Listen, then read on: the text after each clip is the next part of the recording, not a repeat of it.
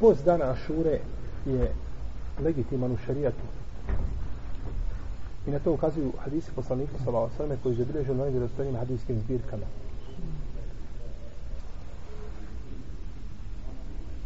Post dana Ašure iskupljuje od grijeha prošlu godinu.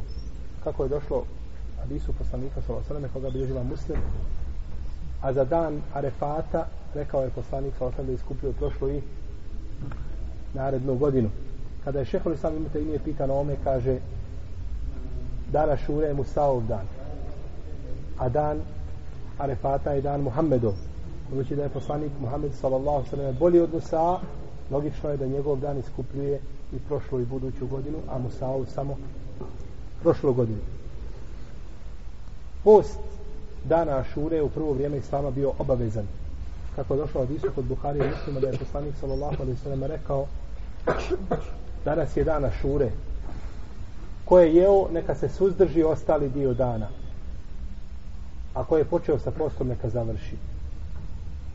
Dok taj post nije dokinut drugim hadisima između ostalog ramazanskim postom općenito a i hadisima poslanika sallallahu alaihi koji bližima muslime, budavudi i drugi je stoji posta šure ili Ašura je jedan od Allahovih dana.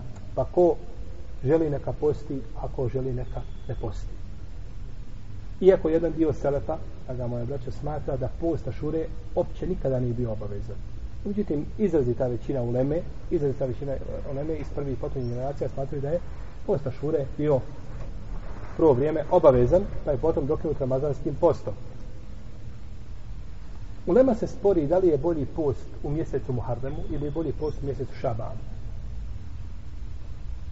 Pa kažu poslanik sa osnovne postio cijeli Šaban, tako došlo u hadisno od Ajše radijallahu talana i drugi kod Nesaije, osim illa kalila, osim malo, par dana, dan ili dva, tri, možda najviše da nije postio, ostalo je sve šta?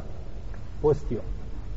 No, međutim, imamo za hadis a, Muharrema, imamo da je najbolji post nakon Ramazana u mjesecu Muharrema. Najbolji post što može biti nakon Ramazana kada u mjesecu Muharram Mi znamo da su riječi poslanika sa svem šerijat i propisi. Da je postupak poslanika sa svem da se iz njega izvlače isti postupak, da izvlače propis. A međutim, šta je jače, jače, jače riječ ili postupci? a? Riječ. Riječ su jače. Ne mora biti uvijek. Ali ovo je globalno pravilo da su riječi jače, jer riječi su propis tešrijat, znači ummetu, a dok postupci mogu biti ovaj da, da nešto znači vrijedi eksplicitno za poslanika sa osreme mimo drugih muslimana. Tako da je post u mjesecu Muharremu, Allah najbolje zna, jači i vrijedniji od posta u Šabanu, a jedno i drugo je vrijedno.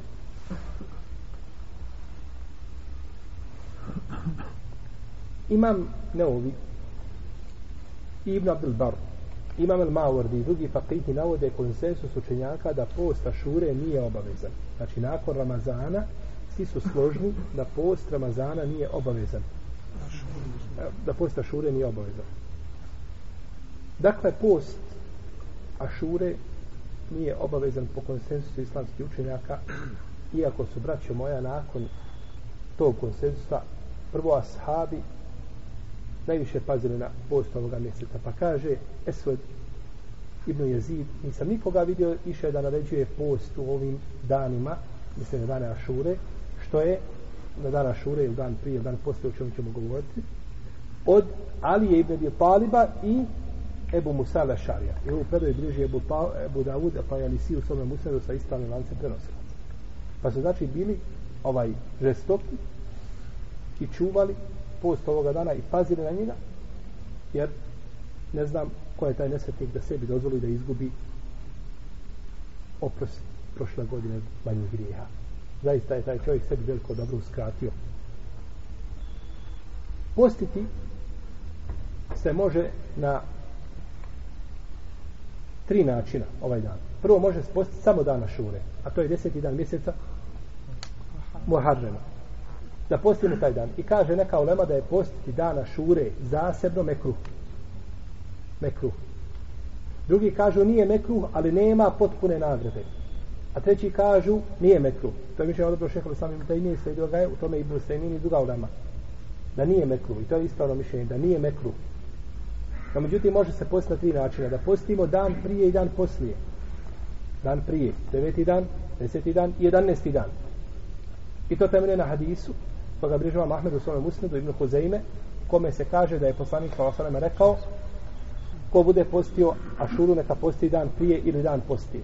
pa su to spojili kažu dan prije dan postije, najbolje je sve spojiti no međutim u lancu prenoslaca ove predaje ima Abdurrahman ibn Bilejla koji ima slabo pamćenje pa je predaja slaba ali je došlo od Ibn Abbasa da je tako rekao kod Abdurrazaka da je Ibn Abbas znači to potvrdio da se može tako postiti to je prvi način znači da se posti dan prije da se posti ašura i da se posti dan poslije. Nakon toga ovo je ovako je poredao šehol Islam Ibn Kajim u svome dijelu Zadul Madi ovako je poredao znači ove deređe i ove stepene. Drugi kaže stepen po odlici ili po nagradi jeste da se posti deseti dan pa onda da se posti deveti pa deseti. I o tome najviše hadisa govori. Ili da se posti deseti a potom jedanesti dan. To je najmanji znači stepen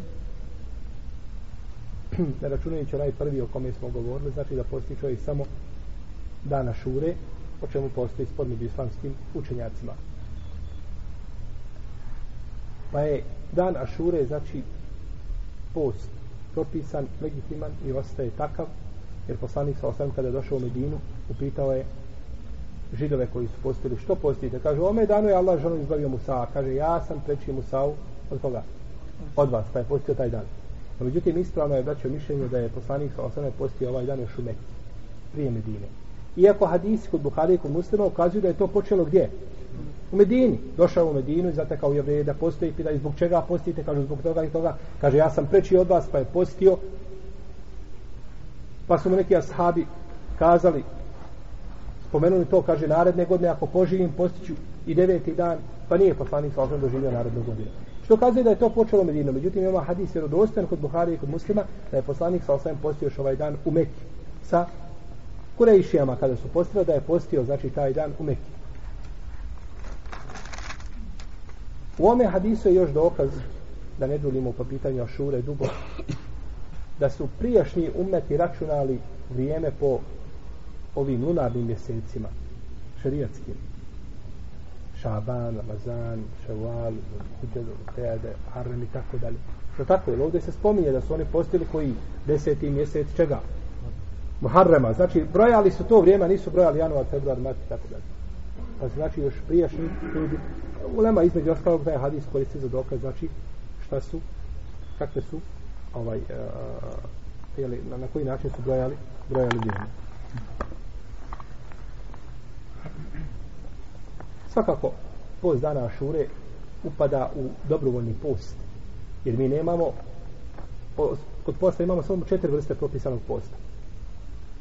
To je post Ramazana to je post Zavjeta to je post iskupa kefareta i četvrti nadoknada Ramazana. Tako, nadoknada Ramazana. To su četiri vrste propisano posta nema pete vrste. Ova je vrsta dobrovoljna.